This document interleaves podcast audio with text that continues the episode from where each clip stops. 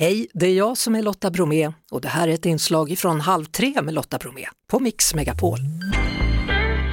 Med mig nu då Vivi Wallin som ligger bakom det populära instakontot Mammasanningar och är en slags pysselmästare måste man väl ändå säga, som driver Sveriges största hemmafixblogg. Fixa själv, välkommen! Tack så hemskt mycket. Nu går vi väl ändå in i pysslets högtid. Ja men vi gör ju det och det är härligt att du säger att jag är liksom en mästare inom det här för jag brukar ibland skoja om att min sida kallas fuska själv. Jag är ju ingen som, som liksom så här gjuter i betong och stickar och gör så avancerade saker utan jag gillar att aktivera mig och barnen men det ska vara enkelt. Jag har jobbat en del på skolor och som fritidsledare och det är oerhört kul att vara kreativ ihop med barn. Ja, men det finns ju inget roligare och särskilt om man själv har lite svårt att kanske så här leka rolllekar och sånt där. Det är mycket roligare att, att skapa något ihop tycker jag. Eh, många vill ju pyssla då och baka med sina barn och, mm. och det är alltid kul. Till en början i alla fall, sen kanske barnen tappar ork och ja. kanske tappar lusten och så står man där med en halvfärdig deg vad har du för knep? Jag tycker man har tur om man har kommit halvvägs. Jag tycker att de brukar tappa lusten när man smular i gästen. Liksom. Ja. Äh, men det absolut bästa är ju att sänka ribban och verkligen inte göra så avancerade saker. Jag tycker det är först nu när barnen liksom kommer upp mot 10-12 års åldern som det verkligen funkar att baka och de tycker det är kul att vara med hela tiden. Så jag förespråkar färdiga, äh, färdiga bullar tänkte jag säga, men kanske inte riktigt så, då blir det ju inget pyssel. Men färdig pepparkaksdeg och att man kanske inte håller på att stå och kavla, för det kan ju vara jobbigt med yngre barn, utan man skär små bitar av degen och sen så kan man stoppa i lite godsaker, till exempel så här juleskum eller små Dumle eller någonting. Och så rullar man bara bollar och trycker ut med gaffel så har man härliga pepparkakor som alla kan fixa. kan det också vara en variant annars att man gör klart själva degen? Om vi nu ska baka lussebullar till exempel, så kommer barnen in först i det stadiet. Det är jättebra om man har den tiden. Jag tycker ofta att det är tiden som kanske är lite knapp.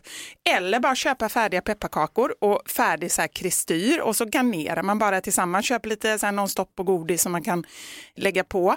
En rolig sak som vi gjorde för några jular sedan, var att vi gjorde så här lyckokakor, egna lyckokakor. Så man fick skriva en liten lapp med något litet fint budskap och så la man det mellan två pepparkakor, färdigköpta.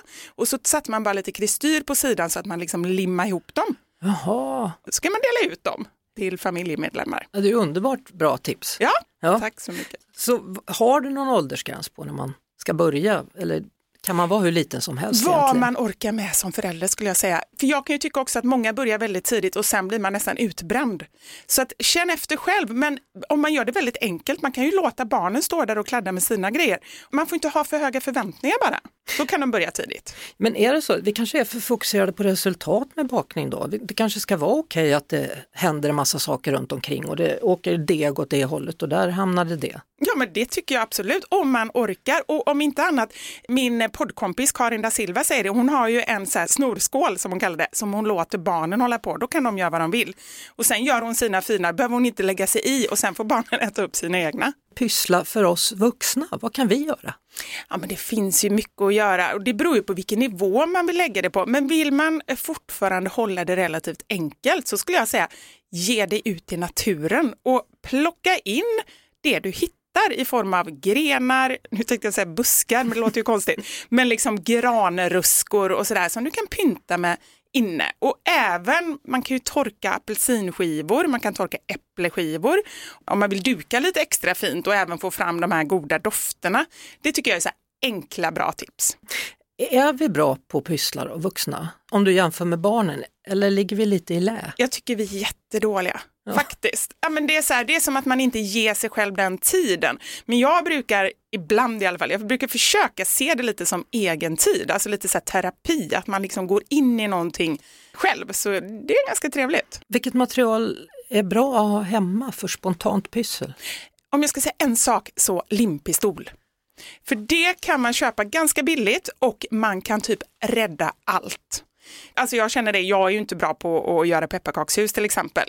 Jag har försökt många gånger med socker och allting. Det, det spelar ingen roll, det smakar ju inte gott så det är inget, ingen som äter det ändå. Så nu har jag börjat med limpistol istället. Men det smakar väl inte gott?